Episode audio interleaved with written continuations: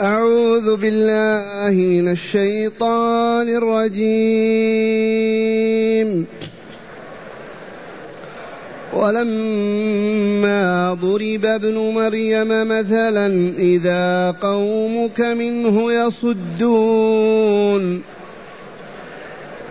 وقالوا أآلهتنا خير أم هو ما ضربوه لك إلا جدلا بل هم قوم خصمون إن هو إلا عبد أنعمنا عليه وجعلناه مثلا لبني إسرائيل ولو نشاء لجعلنا منكم ملائكة في الأرض يخلفون. وإنه لعلم للساعة فلا تمترن بها واتبعون. هذا صراط مستقيم. ولا يصدنكم الشيطان إنه لكم عدو مبين. أحسنت. معاشر المستمعين والمستمعات من المؤمنين والمؤمنات قول ربنا جل ذكره ولما ضرب ابن مريم مثلا إذا قومك منه يصدون. ولما ضرب ابن مريم يعني عيسى مثلا إذا قومك منه يصدون يفرحون ويضحكون ويصفقون. هذه الآية لها سبب في نزولها. سبب نزولها ما روي أن ابن الزعبراء وكان كافرا مشركا فحلا وأسلم فيما بعد. هذا ابن الزبعاء قال لرسول الله صلى الله عليه وسلم لما نزلت آية من سورة الأنبياء. ما هذه الآية؟ هي قوله تعالى إنكم ما تعبدون من دون الله حصب جهنم أنتم لها معرضون. أنتم لها واردون. لما نزلت هذه الآية وهي في سورة الأنبياء المكية وإن منكم إلا واردها كان إنكم ما تعبدون من دون الله حصب جهنم أنتم لها واردون. لما نزلت هذه الآية ماذا قال ابن الزبعران للرسول صلى الله عليه وسلم؟ قال له أهذا لنا ولآلهتنا أم لجميع الأمم؟ إنكم وما تعبدون من دون الله حصب جهنم أنتم لها واردون. هذا لنا يا رسول الله ولآلهتنا أم للأمم كلها؟ فأجابه الرسول صلى الله عليه وسلم بقوله هو لكم ولآلهتكم ولجميع الأمم.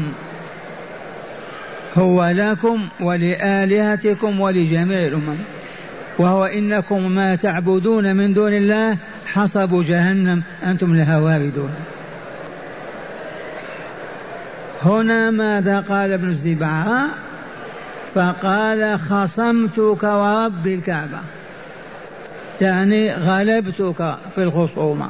ورب الكعبة حلف بالله عز وجل. وكان مشركا ويحلف بهذا. إذ مشرك العرب كانوا يؤمنون بالله ورب الكعبة. ثم قال أليست النصارى يعبدون المسيح؟ أليس اليهود يعبدون العزير؟ أليس بنو لحي بنو لح بين بين مليح يعبدون الملائكة؟ إذا كلهم في النار. العزير وعيسى والملائكة. حسب ما قلت لنا. فأنزل الله تبارك وتعالى هذه الآية. إذ قال هذا ابن الزبارة فإن كان هؤلاء في النار فقد رضينا بأن نكون نحن وآلهتنا معهم. فلما قال ابن الزبار هذا فرح العرب المشركون وضحكوا وضجوا بالصياح. مرتفعة أصواتهم بذلك. فأنزل الله تعالى آية هذه ولما ضرب ابن مريم مثلا إذا قومك منه يصدون. هذا الزجير والصياح والفرح. لأنهم فهموا أن عيسى في النار وأن العزير والملائكة وأنهم مع آلهتهم في النار كما قال ابن الزبعة. فأبطل الله هذه النظرية الفاسدة بقوله ولما ضرب ابن مريم مثلا إذا قومك منه يصدون يصدون أيضا يعرضون يعرضون. وقالوا آلهتنا خير أم هو؟ آلهتنا خير أم عيسى أم العزير أم الملائكة؟ قال تعالى ما ضربوه لك إلا جدلا بل هم قوم خصمون. ولهذا ما من أمة ما من قوم يكونون على هدى ويضلون إلا آتاهم الشيطان الجدال والخصومة. ثم قال تعالى إن هو إلا عبد أنعمنا عليه عيسى عليه السلام عبد من عبيدنا خلقناه بأيدينا. عبد من عبيدنا أنعمنا عليه بأن أوجدناه بلا أب كما وجدنا آدم بلا أب ولا أم. أنعمنا عليه بحبنا ورضانا عنه ورسالتنا له وما بعثنا به وجعلناه مثلا لبني إسرائيل. مثلا لو تأملوا وتدبروا قالوا آمنا بالله وبقدرته. عيسى يخرج من بطن أمه مريم بلا واسطة بلا أب بلا بلا. لكانوا يزدادون إيمانا ويقينا. ولكن مع الأسف كفروا به. وانقسموا أقسام وتحرفوا وسقطوا. إن هو إلا عبد أنعمنا عليه أي عيسى وجعلناه مثلا لبني إسرائيل لو اعتبروا لكانوا يزدادون إيمانا ويقينا. ولو نشاء لجعلنا منكم ملائكة في الأرض يخلفون. هذا خبر آخر. يقول تعالى لهم ولو نشاء لجعلنا من يخلقكم في الأرض من الملائكة. نهلككم ولم نبق أحدا على الأرض. ونخلق ملائكة يعبدونني فيها. ولو نشاء لجعلنا منكم ملائكة. أي خلفا لكم يعبدوننا بعدما نهلككم عن آخركم. ثم قال تعالى وإنه أي عيسى عليه السلام لعلم للساعة. وحتى نبينا علم للساعة. أما قال بعثت أنا والساعة كهاتين. هكذا أشار بإصبعيه. بعثت أنا والساعة هكذا كهاتين. ما بيننا فرق أبدا زمن يسير. القرآن نفسه عالم من أعلام الساعة. هذا كتاب من أنزله آخر الزمان. هذا القرآن العظيم عالم الساعة. وإن كان الأول هو الظاهر. وإنه أي عيسى عليه السلام لعلم للساعة أي ساعة القيامة والبعث والجزاء فلا تمترن بها أي لا تشكون فيها. والله لآتية والله إن الساعة لقريب وآتية لا محالة فلا تشكون فيها. وإنه لعلم للساعة فلا تمترن بها واتبعون. امشوا قولوا لا إله إلا الله محمد رسول الله آمنا بالله وبلقائه واعبدوا الله بما شرع من عبادته واستلزموا بذلك ولازموا حتى يتوفاكم الله فتكملون وتسعدون. واتبعوني. امشوا ورائي. أقودكم إلى الجنة في الدار الآخرة. أقودكم إلى الكمال والعز والسعادة في دار الدنيا. وهو كذلك. ثم قال هذا صراط مستقيم. الصراط المستقيم معاشر المستمعين والمستمعات. الطريق الذي يصل بك إلى باب الجنة. الطريق الذي لا انحراف ولا اعوجاج فيه تمشي فيه إلى أن تقرع باب الجنة. ألا وهو الدين الإسلامي. وهو الذي نسأل الله في كل ركعة من ركعاتنا بالليل والنهار. فنقول اهدنا الصراط المستقيم. ألا وهو الإسلام.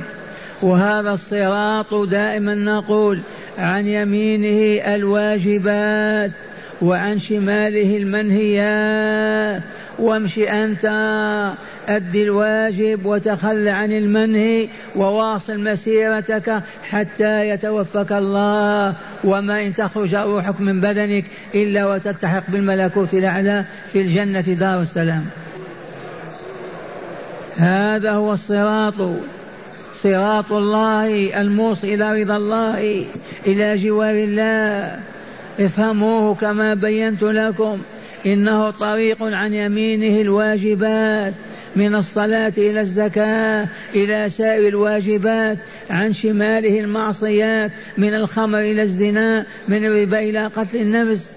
وأنت ماشي تؤدي الواجبات وتتجنب المنهيات. عام بعد عام بعد عام حتى يتوفاك الله ونفسك زكية طاهرة نقية. كأنفس الملائكة. واقرأوا قد أفلح من زكاها فتفلح بأن تنجو من عذاب النار وتدخل الجنة دار الأبرار مع مواكب النبيين والصديقين والشهداء والصالحين. هذا صراط مستقيم. يدعو محمد رسول الله العرب والمشركين والإنس والجن إليه أن يشهدوا أن لا إله إلا الله وأن محمد رسول الله ثم يعبد الله بما شرع لهم من هذه العبادات فيحلون ما أحل ويحرمون ما حرم وينهضون بالواجبات ويؤدونها في صدق وإحسان ويتجنبون المنهيات ويبتعدون عنها أيضا. ثم قال تعالى لهم ونحن معهم ولا يصدنكم الشيطان عن هذا الصراط المستقيم. لا يصرفنكم إبليس عن الإسلام. وقد صرف ما صرف ومن صرف. بلايين ما يريدون الإسلام ابدا. الشيطان هو الذي يصرفه. الآن الشرق والغرب يعرفون عن الإسلام. هل دخلوا امما في الإسلام؟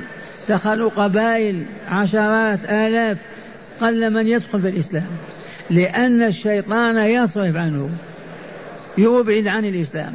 ما يريد الشيطان لآدم أن يسلم. والله ما يريد الشيطان لآدمي أن يسلم.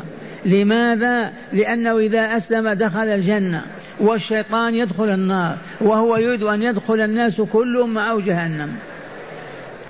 والعلة كما علمنا أن إبليس أبلس وطرد من رحمة الله بسبب حسده لآدم والعياذ بالله ورفضه السجود له فأبلسه الله وطرده.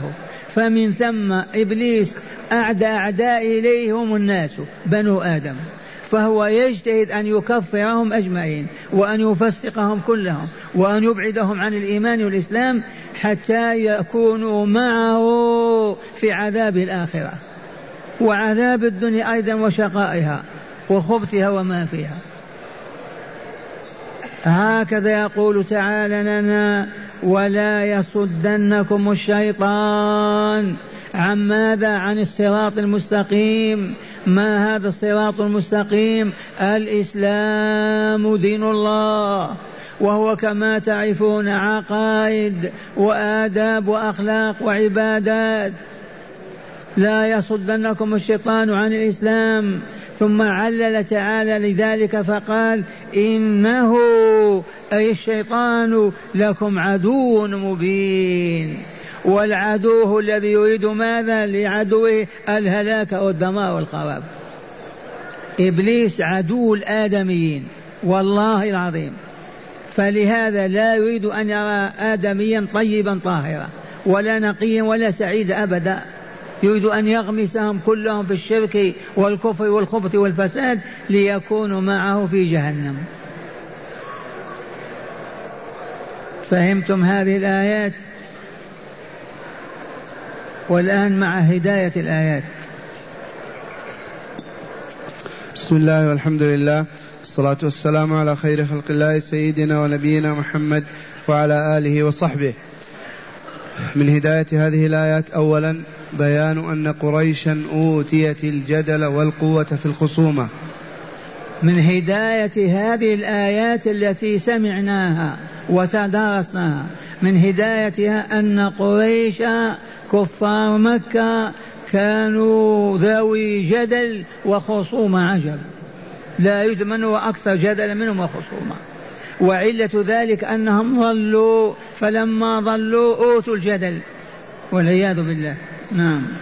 ثانيا ذم الجدل لغير إحقاق حق أو إبطال باطل وفي الحديث ما ضل قوم بعد هدى كانوا عليه إلا أوتوا الجدل. من هداية هذه الآيات أن الجدل إذا لم يكن من أجل إحقاق حق أو من أجل إبطال باطل ما يجوز. لا نجادل أحدا. إلا إذا أردنا أن نحق حقا أضاعه الناس أو نبطل باطل اعتنقه الناس فلا بأس أن نجادل. أما لغير إحقاق الحق وإبطال الباطل فجدل لهو وعبث ولغو ولا نجادل. لحديث الرسول صلى الله عليه وسلم ما ضل ما قوم. ضل قوم بعد هدى إلا أوتوا الجدل. هذا خبر النبي صلى الله عليه وسلم. ما ضل قوم بعد أن كانوا في هداية إلا أعطاهم الله الجدل. أوتوه. نعم. ثالثا شرف عيسى وعلو مكانته وأن نزوله إلى الأرض علامة علامة كبرى من علامات قرب الساعة. من هداية هذه الآيات التي تدرسناها شرف عو شرف عيسى وعلو مكانه وسمو درجته. عيسى عليه السلام ذاك الذي كان بكلمة كن. ما إن قال جبريل نفخ أف. في كم مريم حتى كان عيسى. ما هي إلا ساعة ووضعته. فعيسى عليه السلام بالأمس عرفنا لما أتوه يطلبون منه الشفاعة لهم عند الله ليقضي بين العباد ما ذكر ذنبا قط. آدم قال كيف أقول وربي أقول وأنا عصيته؟ نوح قال كيف وقد قلت وقلت؟ إبراهيم قال كذبت ثلاث كذبات موسى قال قتلت نفسا. عيسى ما ذكر ذنبا قط إذ والله ما أذنب قط. عاش ثلاثين سنة ورفع إلى السماء وسينزل ويعيش أيضا ثلاثة وثلاثين سنة ما يعصي الله معصية ما ذكر ذنبا قط. هذا عيسى عليه السلام. وجعله الله علامة كبرى. من علامات قيام القيامة. إذا نزل عيسى عليه السلام من السماء على المنارة البيضاء بدمشق اقتربت الساعة ولم يبقى إلا أيام. إنه لعلم للساعة. فلا تمترن بها لا تشكوا بها. وعما قريب يبلغنا أن عيسى نزل. نعم. رابعا تقرير البعث والجزاء. من هداية هذه الآيات تقرير البعث في الدار الآخرة والجزاء على العمل في هذه الدنيا. وهذا هو الذي نقول من أعظم العقائد. اعتقادك أنك بعد الموت تحيا وتسأل وتستجوب وتج وتجزى بعملك. الإيمان بالدار الآخرة. ولهذا نقول إن إنسانا أبيض أو أصفر في الأولين في الآخرين لا يؤمن بالدار الآخرة والبعث والجزاء رجل لا خير فيه ولا يعول فيه على شيء ولا يوثق فيه أبدا لأنه شر البرية. أيما إنسان ذكر كان أو أنثى لا يؤمن بالدار الآخرة والجزاء فيه على الكسب في الدنيا هذا المخلوق لا خير فيه لا خير فيه. ولا يعول عليه ولا يوثق فيه أبدا لأنه شر الخليقة. هذا الذي لا يؤمن بالدار الآخرة. نعم. وأخيرا حرمة اتباع الشيطان لأنه يضل ولا يهدي. وآخر هداية هذه الآيات التي تدرسناها حرمة اتباع الشيطان. حرام عليك يا عبد الله أن تتبع خطوات الشيطان. إذا مشى يمينا اذهب شمالا. مشى أمامك أرجع للوراء. ما تمشي وراء العدو أبدا. والعدو أين يمشي؟ يقودك إلى المخمرة إلى المزنات إلى الكذب إلى الربا إلى ترك الصلاة إلى عصيان آه، المسؤولين إلى سب أو شتم أمك أو أبيك وهكذا. يقودك إلى الباطل. فلا ينبغي أن نمشي وراءه. ولا نتبع خطواته.